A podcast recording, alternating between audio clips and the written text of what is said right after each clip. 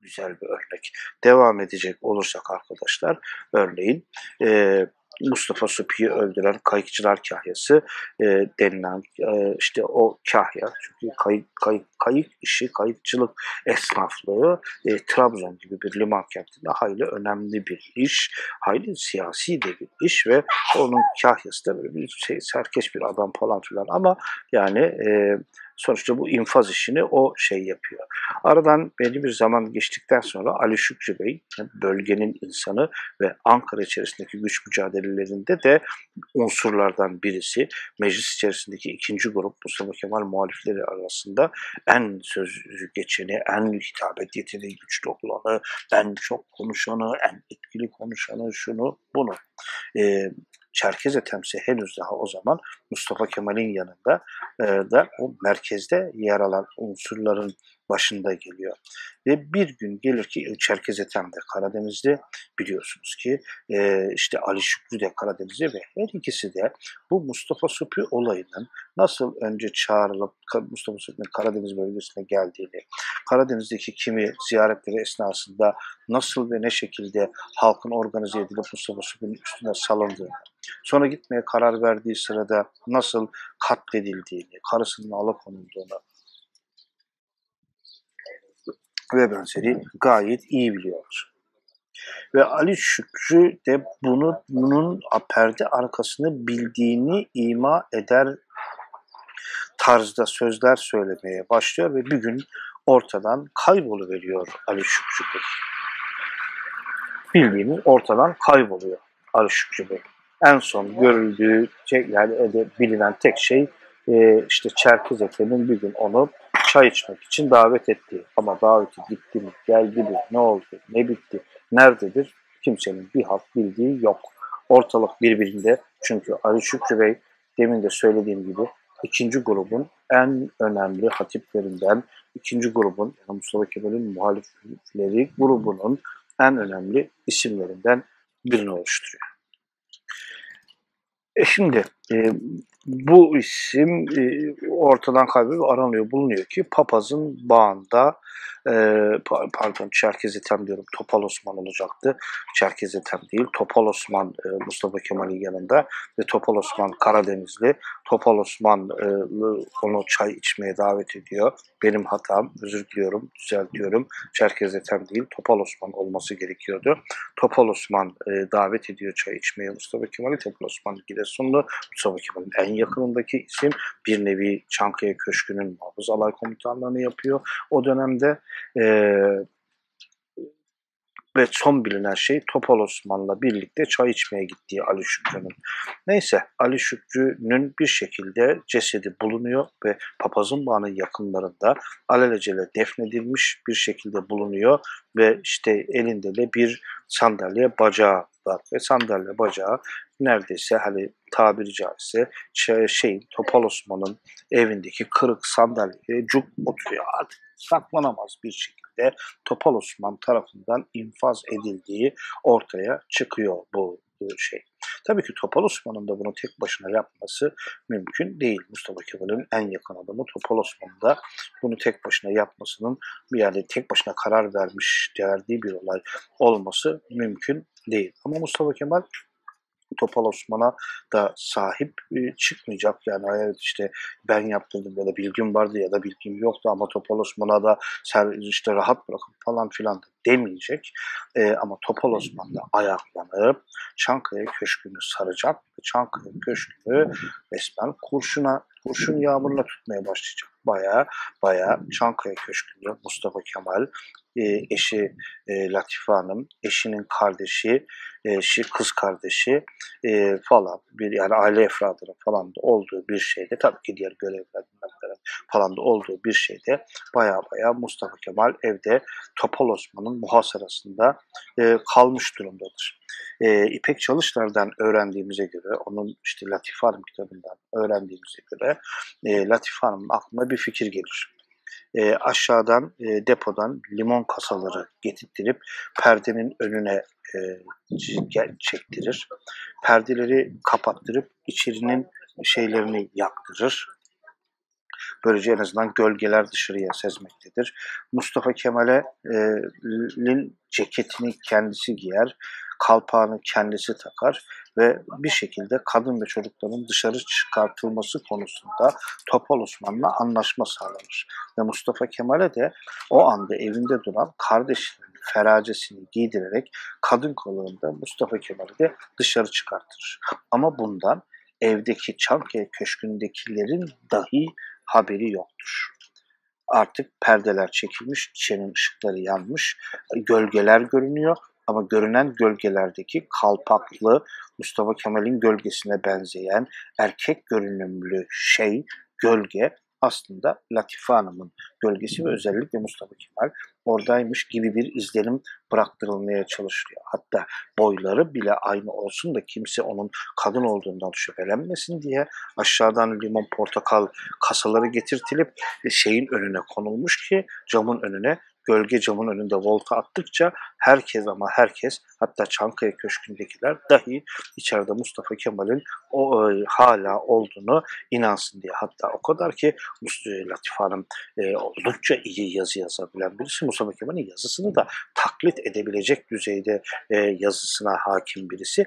Uydur kaydır da emirler yazıp yazıp şey yapıyor ki yani hiç kimse hiçbir şeyden şüphelenmesin. Sanki Mustafa Kemal içerideymiş gibi böyle ufak ufak zararlı zararsız diyelim hadi e, işte bir şeyler yazıp yazıp da dışarıyı pusula olarak da gönderiyor ki hiç kimsenin aklında bir şüphe kalmasın diye. Ama kardeşinin e, çarşafını, feracesini giyerek Mustafa Kemal de dışarı çıkmış durumda. Mustafa Kemal İsmail Hakkı Tekçe e, birlikleriyle birlikte hani onları onları yönlendirerek Topal Osman e, alt edilecek, e, Topal Osman öldürülecek, cenazesi Giresun'a gönderilecek. Böylece bu olay da kapanmış olacak. Şimdi olayı anlatıyorum. Yani bakın ta şeyden aldık, e, Mustafa Supi'den aldık. İşin içerisine Mustafa Supi girdi, Mustafa Kemal girdi, Kazım Karabekir girdi. Arkadaş Ankara'da Topal Osman girdi. Topal Osman Mustafa Kemal'i işte Çankaya Köşkü'nde kurşunladı. İşte Mustafa Kemal bir şekilde kaçtı, kurtuldu. Ali Şükrü. Şimdi hangisi bunun birinci düzey güç mücadelesi, neresi bunun ikinci düzey güç mücadelesi, neresi üçüncü düzey? Evet, hepsi birbirine girmiş durumda. Şimdi peki bizim bu sabahtan beri anlattığımız şey o zaman tam bir yalan mı? Hani neyin bir olduğu belli değil, neyin iki olduğu belli değil. Arkadaşlar önemli olan her spesifik olay. Çünkü bu, bu örneği de ben anlattım size. Bunun gibi onlarca örnekler anlatabilirim. Her spesifik olayın tek tek bizim kurgumuzda nereye oturduğunun bir önemi yok. Burada önemli olan şey şu. Yani e, üç düzey güç mücadelesinin bir kurgu olarak anlamayı, zihnimizde bu karmaşık dönemi, bu kompleks yapıyı, birbirini çok e, karman çorman girmiş yapıyı e, anlamayı kolaylaştırmaya çalışmamız. Yoksa ben zaten her üç düzey güç mücadelesi diye konuştuğumuz şeyin de birinci düzey, ikinci düzey, üç düzey, üçüncü düzey yok biri başlayıp öteki biten e, ya da aralarında hiyerarşik bir ilişki olan bir şey olmadığını en baştan söylemiştim size en baştan zaten bunu söylemiştim. E, dolayısıyla ele alınacak spesifik bir olayın bir ucu Anadolu'nun kendi içindeki güç mücadelesine, bir ayağı efendim e, Beriki güç mücadelesine, bir ayağı işte Ankara'nın liderlik mücadelesine girebilir. Hakeza Bununla ilgili başka bir örnek Çerkez Etem olayıdır arkadaşlar. Çerkez Etem'in tasfiyesi olayı, demin de Osman yerine Çerkez Etem demiştim. Ee, hazır yeri gelmişken gene düzelteyim. Demek ki zihnimde bu örnek vardı. Ee, bu sefer gerçekten Çerkez Etem'den bahsediyorum. Çerkez Etem olayı da yine neyin bir, neyin iki, neyin üç, şeyin birbirine girdiği başka bir örnektir. Hemen minicik, e, küçük bir özet geçeyim. Çerkez e, özellikle özellikle meclisin ilk açıldığı dönemlerde yoğunlaşan iç ayaklanmaların bastırılmasında ve Yunanlıların hiç değilse Sakarya'nın batısında durdurulabilmesinde önemli rol oynayan e, çok önemli bir askeri güce sahip bir paramiliter güç olduğunu söylemeye bile gerek yok. Ve Mustafa Kemal'in en yakınındaki isimlerden biri olduğunu yine söylemeye bile gerek yok. Çerkez Ethem Ankara'ya geldiğinde, meclisi ziyarete geldiğinde Ankara'daki tek otomobil kendisine hediye edilecek. Mustafa Kemal'in otomobili kendisine verilecek, emrine verilecek. Yani meclis Ankara halkı sokaklara dökülecek. Çerkez Ethem apar topar meclise getirilecek. Ya Çerkez Ethem böyle utana sıkıla ya bir hani hani o bir gideydim de ele yüzümü yıkayaydım bir falan yok yok yok yok, yok. apar topar getirilecek. Alkışlar kırla kıyamet falan filan. Yani Çerkez Ethem bu halden Yunan'a sığınan bir tırnak içinde haine doğru evrilecek. Tabi şimdi bakın bir ucu Ankara'da geçen çünkü hem yani kardeşleri de bu an Ankara'da milletvekili yani ve Mustafa Kemal'in en yakındaki isim min Yunanistan'a kaçması durumu şimdi. İster siz bunu işgal güçleriyle Anadolu'nun kendi Anadolu arasındaki mücadele diye okuyun, ister Anadolu'nun kendi içindeki mücadele diye okuyun. Çünkü Çerkez Ethem de e, bir şekilde kendisini bir güç olarak konumlamaya veya başlayacak alanlarında bu, bunu görebiliyoruz yani. Ben oraya gelirim o meclis başkanına meclisin önünde sallandırırım falan diye parmak sallayan bir Çerkez Ethem var. Yani, yani benim sayemde ayakta duruyorsunuz demeye bir Çerkez Ethem de olacak. Bu yaptıkları hata olduğunu anılarında daha sonra zaten siyasetten doğru düzgün anlamazdım falan filan dedi şey yapacak ama söz bir kere söylenmiş yani. Söz bir kere ağzından çıkmış yani. Sonuçta kendisini Anadolu içerisindeki o milli mücadele içerisinde de bir güç olarak gören bir Çerkez Etim var. Aylin Çerkez Etim'in Ankara'daki liderlik mücadelesinin de bir unsuru olduğunu söylememiz gerekiyor. Örneğin Kuvayi Seyyare'den Kuvayi Milliye'ye geçişte yani e, işte yani gerilla birlikleriyle mi biz bu mücadeleye devam edelim, düzenli orduyla mı mücadeleye devam edelim? Bunun, bu, bu, tar- bu mevzunun bir tarafı, en önemli tarafı Çerkez Ethem, öteki tarafı da Mustafa Kemal. Örneğin e, e, e, Cebesoy Ankara'ya geldiğinde trenden indiğinde Mustafa Kemal onu karşılamaya gider ve e, Cebesoy'un e, omzunda filinta e, Çerkezetem askerleri vari giyindiğini gördüğünde ya bu Kuvayi Seyyare fikrinin ne kadar da yaygın olduğunu gördüm diye daha sonra bunu e, şeyde e, dile getirir. Çünkü Cebesoy bile bile bu bir şeylerin e, Çerkezitem mevzunda çok da negatif düşünmemektedir. Şimdi bu Çerkez eten mevzu o zaman hangi güç mücadelesine girer? Hepsine de girer, hiçbirine de girmez. Çünkü önemli olan hangisine son yani böyle bir kutu olarak düşünmemek gerektiğine dair örnekler veriyorum. Kutu derken yani biz bir örnek olay seçiyorsunuz. Torbadan bir vaka seçtiniz ve seçtiğiniz olay hangi güç mücadelesine girer? Hangi kutuya atayım? A kutusu, B kutusu, birinci güç mücadelesi, ikinci güç mücadelesi. Hayır bu şekilde değil. Bunun bir soyutlama olduğunu tekrar tekrar belirtmek istiyorum. Milli mücadelenin iki evresi ve üç düzey güç mücadelesi üzerine konuşmaya devam ediyoruz arkadaşlar. Ee, minik bir e, tek şey yapacak olursak, şey, deminki dersi tekrar edecek olursak, yani aynı şekilde tekrar etmemiz tabii mümkün değil. Ee, üç düzey güç mücadelesi ve iki evreden bahsetmiştik. E, milli mücadelenin iki evresi, iki evre dediğimiz şeyler zamansal olarak da birbirini takip eden şeylerdir.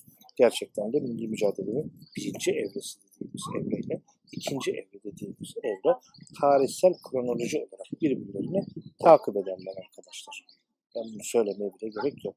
E, 23 Nisan 1920 tarihi aslında burada bir kerteyi oluşturur. Yani bir milli mücadelenin örgütsüz evresinden, çoban ateşlerine benzeyen evresinden merkezi evreye geçişinde bir kerteyi oluşturur. Kerteden kasıt ne? Yani niye direkt bir tarihtir deyip geçmiyoruz? Çünkü 24 Nisan'a gelindiğinde her şey güllük gülistanlık olmuş, e, efendim merkezi bir evreye geçirmiş, merkez kaç güçler diyelim tamamen devreden çıkmış, Ankara'nın kendi otoritesi baştan sona kabul edilmiş falan filan değil. Ama şurası da bir gerçek ki 23 Nisan 1920 birinci evrenin bitip ikinci evrenin, merkezi evrenin başlamasında önemli bir mihenk taşı, bir kerteyi oluşturuyor. Şimdi kongreler evresinden merkezi evreye doğru giderken siyasi Ankara'dan coğrafi Ankara'ya doğru dönüşüşünü özetlemeyi unuttuk. Hazır tekrar ediyorken de bu noktaya da bir e, göz atalım arkadaşlar.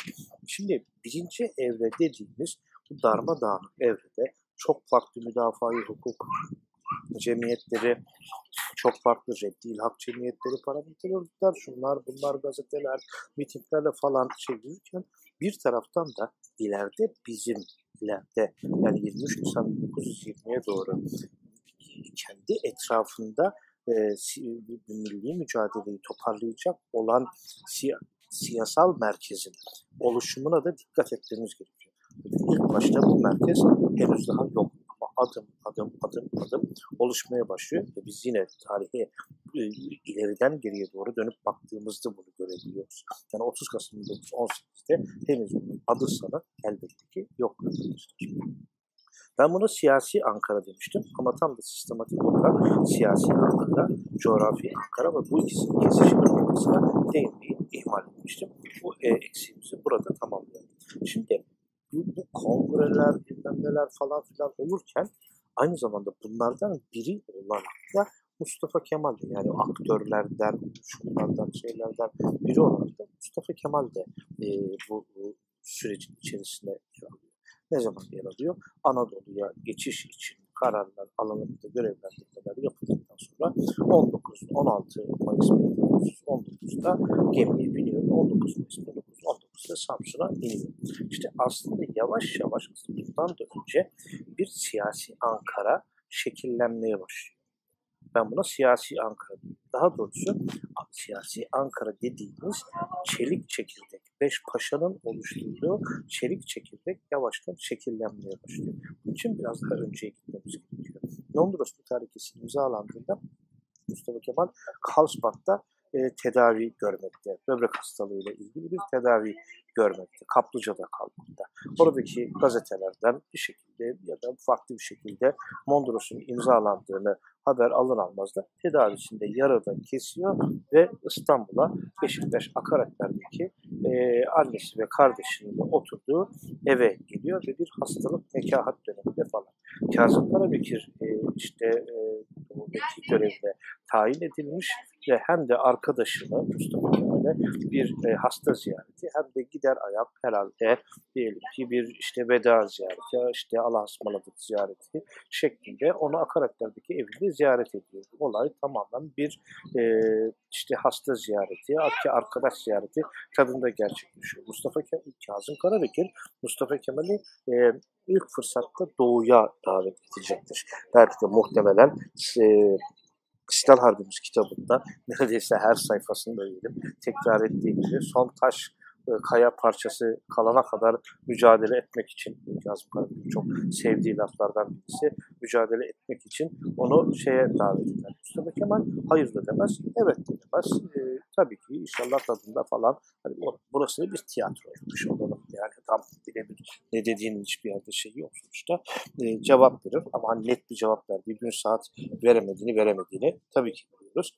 E, henüz daha Mustafa Kemal e, ne yapacağı konusunda da tam olarak net değildir. E, ama önüne çıkan fırsatta e, İstanbul e, şey Anadolu'ya geçiş imkanını çok da iyi bir şekilde değerlendirerek Anadolu'ya geçecek. Dikkat ederseniz burada bir bir işte bir yavaş yavaş o çelik çekirdek oluşmaya başlamaktadır. Hakeza İstanbul'a geçtiğinde Forbay zaten yanı başındadır. Erzurum'a gittiklerinde de yanı başındadır.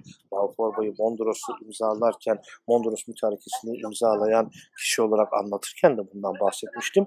E, Rauf Orbay e, er, Erzur, Erzurum Kongresi'nin de başkan yardımcısı, Sivas Kongresi'nde de orada, Amasya Genelgesi'nde de orada. Burası da ettim size 3. Ali Fuat Cebesoy zaten Mustafa Kemal'in İstanbul'dan e, Anadolu'ya görevli olarak gitmesi, gönderilmesindeki kilit isimlerden birisi. Buna zaten apayrı olarak değineceğim. Çok önemli bir aracı rolde oynuyor. Ayşe Dostu akrabası vesilesiyle de eklemi dördüncü Kazım Karabekir, Rauf Orbay, Refet Bele, Ali Fuat Cebesoy ve Mustafa Kemal bu beşli, bu beş çelik çekirdek aslında birbirleri çok önceki tarihlerden tanıyan bu beş ekip şey e, yavaş yavaş milli mücadele döneminde adım adım e, e, siyasi Ankara'nın beş paşasını oluşturmaya başlayacaklar. İleride biz bu beş paşayı Ankara'nın kendi içerisindeki güç mücadelesinde de göreceğiz. Ama henüz birinci evrede belirgin bir güç değiller. Ama birinci evre, ikinci evreye doğru evrilirken birçok faktör var tabii ki. Mustafa Sütlüsü var, şunu var, bunu var, ne bileyim Çerkez Etemi var, e, Enver Paşa'sı var. Bir sürü faktör var. Milli mücadeleyi kendi etrafında organize etmeyi, kendi kafasında düşleyen kuran. Ama işte bu ekip onu gerçekleştirecek ve bu ekip de aslında bu yolda e, oluşmaya başlayacak.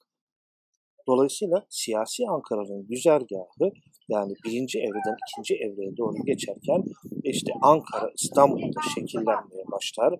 İstanbul'dan Samsun, Samsun'dan Amasya, Amasya'dan Erzurum, Erzurum'dan Sivas, Sivas'tan Ankara'ya doğru gelirken e, yavaş yavaş e, e, şeydeki Ankara'yla e, coğra coğrafi Ankara'yla kesişmeye başladı. İşte 30 Ekim 18'den 23 Nisan 1920'ye gelirken oluşan bir Anadolu'nun kendi içerisindeki güçlerden birisi, milli mücadeleyi kendi etrafında toparlamaya çalışan güçlerden birisi olan siyasi Ankara 23 Nisan 20'ye doğru gelirken ikinci evrede artık diğer evrelerin birçoğunu tasfiye etmiş ve milli mücadelenin çoban ateşlerini kendi etrafında bir yangına doğru çevirme işini organize eden bir ekip haline gelecektir.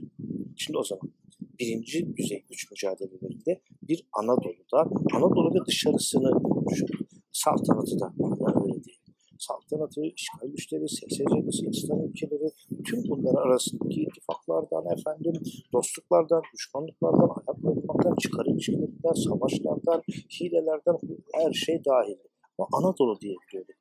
Anadolu kimden, neden oluşuyor? O bile çok muğlak, amor bir şeydi. Anadolu en e, efendim 3-5 kişinin bir araya geldiği bir e, şeyden de e, oluşabilir. Bir gazeteden de, dergi çevresinden de oluşabilir. Ne bileyim işte Trakya Paşaeli gibi daha böyle şeyli bir e, cemiyetten de oluşabilir. Sivas Kongresi gibi bütün reddil hak ve müdafaa cemiyetlerini bir araya getiren şeyden de oluşabilir. Henüz daha kimse hiçbir şey bilmiyor. Yalnız bildiğimiz bir şey var ki Anadolu bu halde kaldığı sürece herkes biliyor ki herkes bunu farkında ki Anadolu bu halde kaldığı sürece hangi halde kaldığı sürece yani kongreler e, evresinde yani paramiliter örgütler evresinde, dergi çevreleri evresinde, mitinglerle tepki gösterme evresinde falan kaldığı sürece bu iş böyle olmayacak. Yani bu hareketin merkezi evreye çevrilmesi lazım. Ama kimin etrafında ama nasıl? Mustafa Kemal faktörlerden birisi, aktörlerden birisi. 1915'te siyasi olarak varlığını ispat etmiş, etrafında toplanılabilir bir isim olduğunu ispat etmiş, İttihat Terakki ile de bağları olduğu iddiatçı bir isim ama İttihat Terakki'nin tepe noktasıyla da yollarını ayrıla epey olan, e, herhangi bir suçtan sorumlu tutulmayan, ise temiz bir isim, e, isim ne saray çevresine yakın ne iddiatçıların üst kesimine yakın, her ikisine de muhalif, işte bir, bir isimden bahsediyoruz. Ayrıca Çanakkale'deki başarısıyla da kendisine fırsat verildiğinde askeri becerilerini gösterebileceğini ispatlamış bir isim. Ama unutmayalım ki asla tek isim değil ve etrafında da e, gerçekten de kendi gücüne güç katan, popülaritesine popülarite katan bir e, paşalar ekibi var. Kazım Karabekir gerçekten de Doğu denildiğinde ismi onunla birlikte anılan çok önemli bir isim. Rauf Orbay, Hamidiye kahramanı. Uzun uzun kendisinden bahsettik. Tekrar tekrar bahsetmeye gerek yok.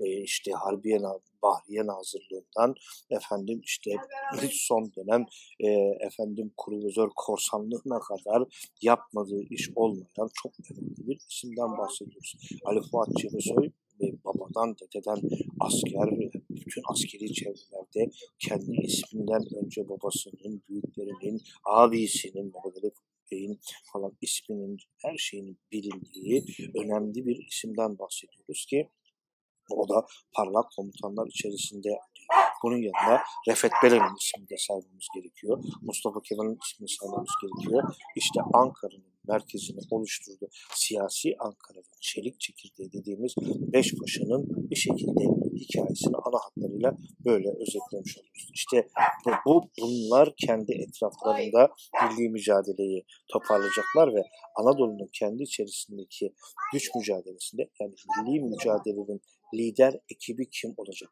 Ankara. Ankara dediğimiz kim? Siyasi Ankara dediğimiz kim? İşte çelik çekirdeğinde bu beş başarının olduğu Refet Belen, Rauf Orbay, Ali Usul, Kazım Karabekir, Mustafa Kemal'in olduğu tabii ki bu çelik çekirdeğin etrafına bir sürü ismin sayılacağı, siz bunun üstüne çok süre sonra, süre sonra Fevzi Çakmağı ekleyin, Halide Edip'i ekleyin, ne bileyim işte onun kocası Adnan Adıvar'ı ekleyin, e, Rıza Nur'u ekleyin, başka isimleri çıkartın, ekleyin, Mehmet Akif'e ekleyin, sonra onu da çıkartın. Yani dinamik bir şey yani statik bir şey de değil. Böyle daha böyle ama çelik çekirdeğindeki bu beş isim sabit. Onlar daha sonra kendi içlerinde de hesaplaşacaklar. Böyle bir örgütlenme yapısı var. Anadolu'daki e, Anadolu'nun kendi içerisindeki güç mücadelesinden bu ekip galip çıkacaktır. Enver Paşa tasfiye olacaktır, Saltanat tasfiye olacaktır 1 Kasım 1922'de. Ondan sonra Mustafa Supri tasfiye olacaktır, Çerkezi tam tasfiye olacaktır. Bunların hep geriye Ankara alacaktır. Ankara demin dediğim gibi çelik çekirdeğinde bu beş paşanın yer aldığı bir ekipten bahsediyoruz. İşte üçüncü düzey güç mücadelelerine geldiğimizde ise bu merkezinde beş paşanın yer aldığı bu ekibin kendi arasındaki mücadeleden bahsetmeye başlayacağız. Şimdi bu mücadele de 1927 yılına kadar devam edecek. İşte Nutk'un okunduğu tarih benim açımdan bu sebeple önemli.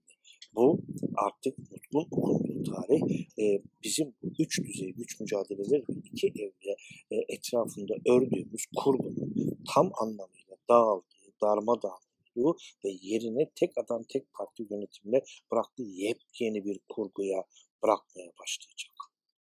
30 Ekim 1918'de başlayan yani bu bizim bu kurgumuz 20 Ekim 1920'de ama yine söylüyorum yine söylüyorum her zaman söylediğim gibi buradaki tarihleri her zaman için birer kerte olarak almakta fayda var. Yani 19 Ekim 1927'de tek adam yönetimi yok 21 Ekim 1927'de var gibi düşünmemek gerekiyor. Bunları bunlar bir tarih e, olarak zikredilmek ihtiyacı duyulduğu için zikredilen şeyler. Yoksa yani mutlaka ki önü arkası olan çok mutlak yani bir, bir kronolojik veya tarih bir şey e, yani kronolojinin koyduğu tarihler değil. Yani 20 Ekim 00'dan itibaren 21 Ekim'e geçildiğinden itibaren tek adam yönetimi başlayan saçma sapan bir şey olur. Ben yine de hani bir kere daha bunu zikretmiş olayım. Yani buradaki biz 23 Nisan 1920 gibi somut bir olayı bile yani direkt birinci evreden ikinci evreye geçin tek ve net tarihidir demedik diyemiyoruz. Niye diyemiyoruz? Çünkü 24 Nisan'da da yani merkezi evreye geçildi dediysek de ve bir sürü iç ayaklanma var. Bu unutmayın ki bu iç ayaklanmaları meclisin kendisi bastıramadığı için Çerkezetem'den yardım isteyecek. Oluşan Ankara, oluşan siyasi Ankara, Mustafa Supi kendisi tasfiye edemediği için Topal Osman'dan kayıkçılar kahyasından yardım isteyecek mi diye Topal Osman gidecek. Ondan sonra Ali Şükrü Topal Osman'ın bu işi organize ettiğinden haber olunca Topal Osman onu tasfiye edecek. Daha sonra Topal Osman tasfiye edilecek. İşte daha önceki derste konuştuğumuz olaylar yani dinamik bir şey olduğunu unutmamamız gerekiyor. Ankara'nın kendi içerisindeki güç mücadelesi de öyle. Diğer üç güç mücadelesi bitmiş tamamen ortadan kalkmış değil. Ama tabii ki bu hepsi aynı ölçüde anlamına falan da gelmiyor. Ama birbirini besleyen, birbirini e, destekleyen, köstekleyen olduğunu gene onlarca kere söylemiştim. Ankara'daki güç mücadelesi temelde Ankara'nın, siyasi Ankara, artık coğrafya Ankara'yla kesişmiş. Oradaki beş paşanın etrafındaki güç mücadelesi olduğunu unutmayalım. Şimdi bu güç mücadelesi kendisini bir kere Cumhuriyet kavramı etrafında şey yapmaya başlar. Mustafa Kemal bu ekibin içerisinden gittikçe sıyrılmakta ve bir ekibin lideri olarak davranma yerine gittikçe onları dışlayan bir dizgede davranmaya başlayacaktır. Ve bununla tabii ki ciddi bir tepki gösterilmeye başlayacaktır. Hatta Cebesoy'un bir akşam sohbetinde Mustafa Kemal'e böyle posta koyar tadında senin yeni apoturların yani Fransızca şeyle yakın arkadaşların, senin yakın çevren kimdir hani bir falan diye böyle çıkıştığını ve Mustafa Kemal daha alttan alır bir tarzda. Benim yakın apoturlarım işte bu ülke için kim çalışıyorsa onlardır e, falan deyip böyle daha orta yol bir cevapla geçiştirdiği Mustafa Kemal'in çevresinin de değişmeye başladığı ve eski yol arkadaşlarını da da, da böyle yani eşitler arasında birinci rolünü de kabul etmeyip onlarla da bir hesaplaşmaya girdiğini görülür ve e, onlar da buna tepki gösterilir. Cumhuriyetin ilanı mevzuu e, burada e, önemli bir e, şeydir, ayraçtır. Cumhuriyetin ilanı şeyini şimdi biraz sonraya bırakarak şey yapmak istiyorum, tartışmak istiyorum ama bilelim ki bu kavga Cumhuriyet kavramı etrafında şey yapılır. Benim sonraya bırakmak istediğim ise şu Cumhuriyet mefhumuyla ilgili tartışmalar falan filandır. Yanlış anlaşılmayı önlemek için yani Cumhuriyet kavramını sadece Ankara'nın kendi içerisindeki bir mücadelede bu kavram ortaya çıkmıştır gibi akılda kalmasın diye onu ileriki bir tartışmaya daha doğrusu bu slaytı kapattıktan sonraki bir tartışmaya doğru e, ötelemek istiyorum. Cumhuriyet kavramı etrafındaki tartışma e, Cumhuriyet'in ilanından hemen sonra ortaya çıkan tartışma yani yani çünkü Kazım Karabekir şehir dışındadır, Akbarbay dışarıdadır. Alacele böyle bir hükümet krizinin peşine getirilip konu veren bir şey gibi ortaya çıkar ve eski ekip arkadaşları buna tepki gösterdiğinde Mustafa Kemal'in tepkisi ona bunlara karşı siz Cumhuriyet'e karşısınız şeklinde olabilir top artık geri kalan e, eski yol arkadaşlarının yani Anadolu'nun kendi içerisindeki güç mücadelesinde bir ekip olan ve milli mücadeleyi kendi etraflarında öğren siyasi Ankara'nın diğer dört ekibinin Refet Bele, Rauf Orbay, Kazım Karabekir, Ali Fuat Cebesoy'un terakki perver Cumhuriyet fırkasını kurmalarıyla sonuçlanacaktır. Çünkü Mustafa Kemal onları gerici olmakla ve Cumhuriyet düşmanı olmakla suçlayınca ki hiçbiri de böyle değildir tabii ki. Mustafa Kemal de bunu bilmektedir ama bazen pratik siyaset tartışmaları, gerginlikler bu tür şeylere de e, sebep olabilmektedir. Tabii ki yani, yani burası da doğru. E, onların kurduğu partinin ismi de bu açıdan çok önemlidir. Yani geri, kendilerini gerici denince, Cumhuriyet düşmanı denince Halk Fırkası'nın karşısına ilerici Cumhuriyet Fırkası ile çıkılır. O süreçte Halk Fırkası hemen adını değiştirecektir ve Cumhuriyet Halk Fırkası adını alacaktır. Dikkat edin Ankara kendi içerisindeki mücadele ilk önce sadece değil ilk önce Cumhuriyet kavramı etrafında e, da zuhur etmeye başlar. Terakkiperver Cumhuriyet Fırkası da bu iklimde de doğar arkadaşlar. Terakkiperver Cumhuriyet Fırkası'na şimdi de değil, Serbest Cumhuriyet Fırkası zamanında da değil, ta da Demokrat Parti ile birlikte değinmek istiyorum. Geriye dönüp ileride Terakkiperver'i, Serbest Cumhuriyet Fırkası'nı ve e, Demokrat Parti'yi üçünü bir arada e, ele almanın daha mantıklı olacağını düşünüyorum. O yüzden burada terakkiperveri anlatırken yine bir yanlış anlaşılmaya mahal vermeyelim. Terakkiperver Cumhuriyet Fırkası da sadece ve sadece Atatürk ve muhalifleri e, şeyi ile anlaşılabilecek bir şey değil. Bundan daha geniş bir ölçüye sahiptir ama bir de bu yönü vardır. Yani bir de Ankara'nın kendi içerisindeki hesaplaşmanın da e, şey oyun alanlarından birisi de Terakkiperver Cumhuriyet Fırkası'nın kuruluş serüvenidir. Baştan toparlayacak olursam Cumhuriyet'in kurulma aşamasını biraz da kendilerine bile sorulup etmeden bu işin yapılmasına tepki gösteren e, Beşli'nin geri kalan dört ekibi e, buna biraz gönül koyarlar ve e, neden bu işin yapıldığını sorgulamaya, bu şekilde yapıldığını konusunda biraz gönül koydukları süreçte Mustafa Kemal onları gericilik ve e, Cumhuriyet düşmanlığıyla suçlar. El cevap terakki perver, ilerici, işte ilericiliği seven Cumhuriyet Fırkası'dır. Mustafa Kemal'in bunlara cevabı partisinin adını, Halk Fırkası'nın adını Cumhuriyet Halk Fırkası olarak değiştirmektir.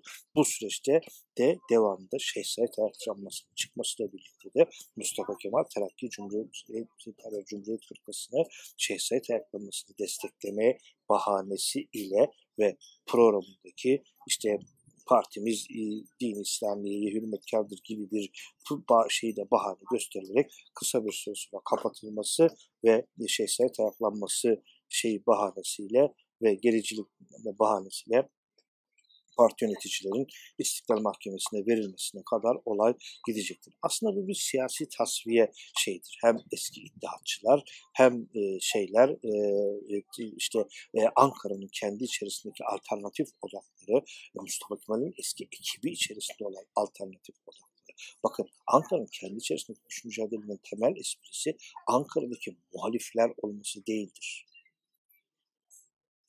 Temel hesaplaşma Anadolu'nun kendi içerisindeki güç mücadelesinde aynı safta yer alanların daha sonra mücadeleye şey yapmasıdır. Yani bu adamlar, e, bu beşli zaten birbirlerine muhalif insanlar değillerdi.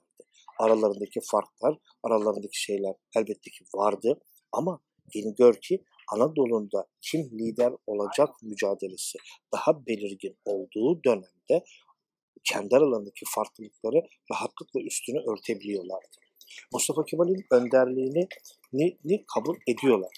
Mustafa Kemal'in önderliğini e, ni e, Emel Akal Hoca e, o Kemalizm Bolşevizmle ilgili kitabında çok güzel bir şekilde bunun bir terakki kararı tavsiyesi olduğunu, diğer üyelerin de bu örgüt kararına uyarak da buna destek olduklarını, yani bir nevi Mustafa Kemal'in e, e, eski iddiatçıların da tavsiyesine sıklıkla Talat Paşa'nın da Talat Paşa'nın da e, yön göstermesiyle pürümüs inter pares diyelim. Eşitler arasında birinci vari bir lider olarak kabul edildiğini ve Mustafa Kemal'in onun ötesine geçmeye çalıştığını da altmışlar ki doğrudur bu da. Yani onun ötesine geçmeye çalışmasıyla birlikte de zaten Ankara'nın kendi içerisindeki güç mücadelesi iyice alev almaya, iyice şey yapmaya başlar. Örneğin Kazım Karabekir'in e, Mustafa Kemal'in e, askerlikten istifasından sonra emrinizdeyim paşam şeklinde itaat bildirmesinin de aslında bu İttihat Terakki'nin Mustafa Kemal'i işaret etmesiyle hani artık her şey bittikten sonra evet bu işi Anadolu'ya, bu işi Mustafa Kemal'e bırakmak lazım şeklinde özellikle Talat Paşa'nın yol göstermesi diyelim ile ya da yön göstermesiyle e, Mustafa Kemal'in önünün bir şekilde açılması Kazım Karabekir'in de bu geniş örgüt, daha gevşek örgüt kararına uyması şeklinde şey yapmış. Olayı hemen bir özetleyeyim. Karman çormanda olmasın. Ee, Erzurum Kongresi'ne gelindiği evrede, Erzurum Kongresi'nin hemen öncesinde e, artık İstanbul'un sürekli tacizi devam etmektedir. Çünkü Ankara'ya gider Mustafa Kemal e, pek de kendisinden beklenen görevi yapmak yerine e, ciddi bir şekilde bir örgütlenme çabasına girmeye başlamıştır. E, İstanbul e, İngilizler de yaptıkları hatanın farkındadırlar ve hemen e, padişahı ve çevresini Mustafa Kemal'i geri çağırması için uyarmaya başlarlar. Uyarılar, uyarılar, uyarılar, uyarılar, uyarılar ama Mustafa Kemal pek oralı olmaz, olmaz, olmaz ama 7-8 Temmuz gecesi tam da Erzurum'dayken e, askerlikten ve görevinden istifa ettiğini belirten bir dilekçe, e, bir bir telgraf çeker dilekçe diyorum. E, ve e, aslında bir şekilde e, Kazım Karabekir'in gözetiminde diyelim İstanbul'a gönderilmesi lazımken Kazım Karabekir istifa etmiş, askerlikten istifa etmiş arkadaşına. Sanki istifa etmemiş gibi gelir bir asker selamı vererek emrinizdeyim paşam der. İşte bu basitçe Karabekir'in e, Mustafa Kemal'e biatı şeklinde değil de bir aslında geniş örgüt kararının bir tezahürü olarak ele alınmalı der Emel Akalıca. Tabii ki doğru olduğu noktalar oldukça e, fazladır da ama işte yollar e, yollar yavaş yavaş e, ayrılmaya başladıkça eski defterlerde ayrılmaya başladı. Hakeza Rauf Orbay da yani e, Sivas Amasya tahmini imzaladığında onun yanındadır, Sivas'ta yanındadır, Erzurum yanındadır ama onun da yolları şeyleri ayrıcaktır. Aslında yazır yeri gelmişken şey de söylüyorum. Siyasi Ankara'nın e, doğum belgesi Amasya tahminidir. Amasya tahminidir. O Amasya tahminindeki o imzalar da Beş Paşa'ya aittir. Ha illa fiziki imza olması gerekmiyor. Fiziki imzanın sayısı daha fazladır. Mesela Mersin'de Cemal Paşa da Amasya Tamirinin de imzası var diye hatırlıyorum. Ama Kazım Karabekir'in fiziki imzası da yoktur. Ama telgrafla onun, onunla bilgi verilir ve onun da görüşü şeyi alınır. Dolayısıyla onun imzasının olduğunu da, da hesaba katmak gerekir. Aslında bir nevi sadece bu beş paşa imza atmasa da bu Amasya tahminiyle şekillenmeye başlayan e, bu ilişki ağı artık e, şeye doğru Cumhuriyet'in kuruluş aşamasına doğru kuruluşuyla birlikte iyice su yüzüne çıkan bir parçalanma ayrılmayla Terakkiler ve Cumhuriyet Fırkası ile birlikte 1927'ye kadar sürecek bir iç hesaplaşmaya doğru gider. Artık zaten Terakkiferber'in kapatılmasından sonra artık e, ciddi tasfiyeler başlar. E, Kazım Karabekir olsun, Refet Belesi, Rauf Ordoy olsun bunlar ya yurt dışına giderler ya Kazım Karabekir örneğinde olduğu gibi artık bir müzevi hayat yaşamaya başlar. Kendi İstanbul'daki evinde siyasetten tamamen dışlanırlar ta ki Atatürk ölene kadar falan. İşte 1927 yılında Nutk'un okunduğu tarih e, aslında bu açıdan önemlidir. Ama burada bir yanlış anlamayı önlemek gerekiyor. Nutuk okunduğu için e, efendim işte bu milli mücadelenin iki evresi, üç düzeyi, güç mücadeleleri falan sona ermez arkadaşlar. Aslında nutuk burada bir işaret bir şeydir. Yine diğerlerinde olduğu gibi bir işaret bir şeydir artık yani hem işgallerin bittiği hem işte Lozan var arada. Lozan'la birlikte rejimin doğum belgesinin imzalandığı ki ona değinmedik ona da değinelim.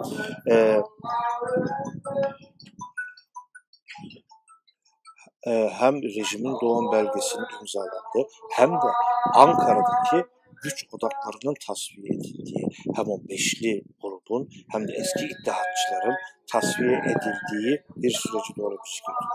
Bu süreç aslında birkaç aşamadan geçerek devam eder. Sadece Terakkiperver Cumhuriyet Fırkası'nın kurulması ve Şeyh Said isyanı gerekçesi gösterilerek Terakkiperver Cumhuriyet Fırkası'nın kapatılmasıyla olup bitmez. Ya nasıl olup biter? E, bu şey olup bitmesinde e, yani daha sonra mesela şey Said İsyan'dan sonra İzmir suikasti davası gündeme gelecektir. İzmir suikasti de e, bir nevi hani suikast sanıklarının cezalandırılması olayını aşacak eski ittihatçıların ve muhalefet odaklarının tasfiyesi haline gelecektir. 1927 yılının hemen öncesinde zaten yeni bir seçim seçim yapılacak milletvekili aday adaylarını belirleme yetkisi ve şeyi iyice Mustafa Kemal'in elinde toparlanacak. Kalan olası muhalif e, isimler de tasfiye edildikten sonra yeni meclis açılacak, yeni seçimler yapılacak, yeni milletvekilleri seçilecek. İşte o arada okunacak ve yepyeni bir döneme artık muhalefetin tamamen tasfiye edildiği ve bir tek adam, tek parti döneminin başladığı aşamaya doğru rejim evrilmeye başlayacak. Şimdi nutuk okunduğu için tek parti dönemi, tek adam dönemi, tek adam yönetimi başlıyor falan değildir. Yani demin de söyledim. Nutuk burada bir işaret bir şeydir. Neyin işaret bir şeydir?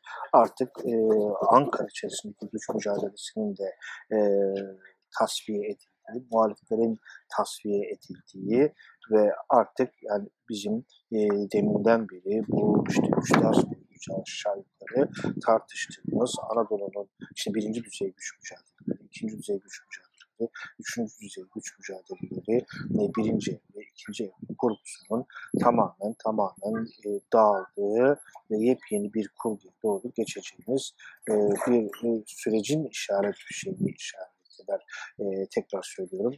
Okunduğu için bir şey olmaz. Hani bunun okunması ve sonuçları apayrı tartışılacak şeylerdir ama bunu öyle yani genel lisans dersinde uzun uzadıya e, çok şey yapmanın bir anlamı yoktu. Şimdi sağ taraftaki e, tarihlere de, de de üzerinde biraz durmak, belki biraz daha burayı da ayrıntılandırmak gerekiyor. Hatırlarsınız ama zaten e, dersimizin ana e, omurgasını oluşturan 30 Ekim 1918 tarihi bizim e, tablomuzun da en geniş ağzı ve Hunimizin en geniş yeri e, işte şeyi oluşturuyor. En e, her şeyin gaz ve toz bulutu olduğu Big Bang'i tabii tabiri caizse oluşturuyor.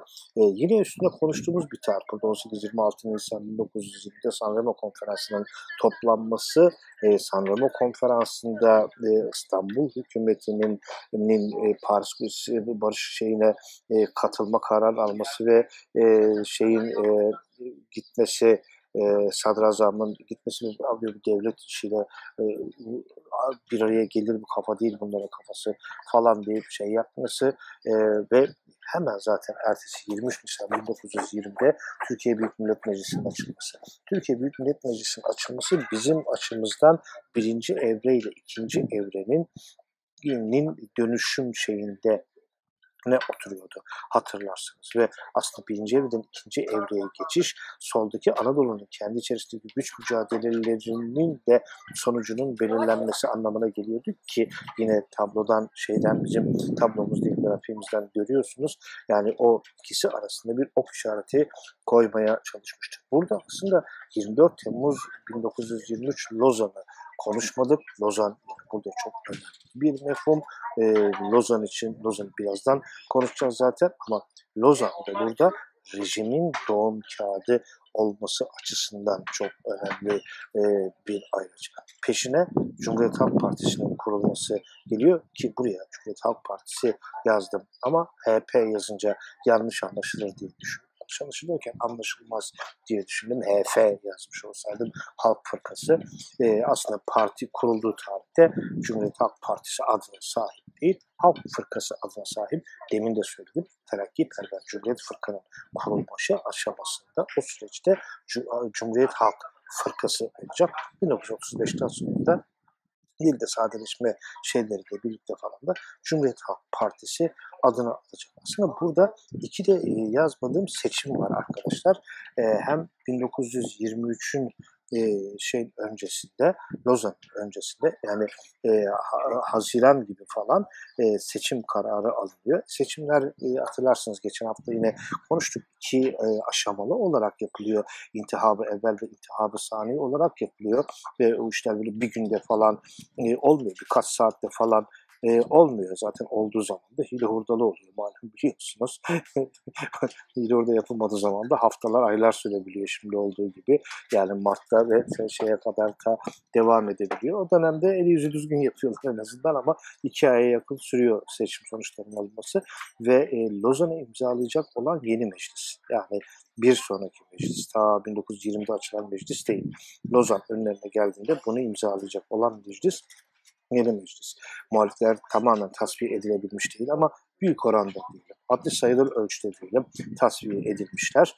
E, aynı şekilde 1927'de e, de de tek adam dönemini karşılayacak olan okunacağı meclis de yeni meclis. Ondan öncesinde de bir seçimler yapılıyor ve e, işte e, artık muhalefet tamamen tasfiye edilmiş. Çünkü artık yani muhalefetin meclisten tasfiyesi falan filan değil, rejimden, ülkeden her şekilde zaten muhalifler e, tamamen, tamamen, tamamen tasfiye e, edilmiş e, durumdalar e, şeyde. E, de. Evet, e, benim ana hatlarıyla la şeyin bizim bu milli mücadelenin iki evresi ve üç düzey güç mücadelesiyle ilgili olarak ana hatlarıyla söyleyeceğim şeyler bundan ibaret. Sadece hatırlatacağım nokta bu kurgunun tamamen yani milli mücadele dönemini anlamlandırmak için yapıldığı, daha önce söylediğim gibi dönemin aktörlerinin bu kavramlaştırmadan tabii ki doğal olarak haberdar olmadıkları, bunu kullanmadıkları, böyle bir kurgunun onlara yabancı olduğu. Benim bunu, bu dönemi anlayabilmek, anlatabilmek, basitleştirebilmek, tabii basitleştirebildiğim kadarıyla basitleştirebilmek ve sizlere ifade edebilmek için yaptığım bir kurgu olduğunu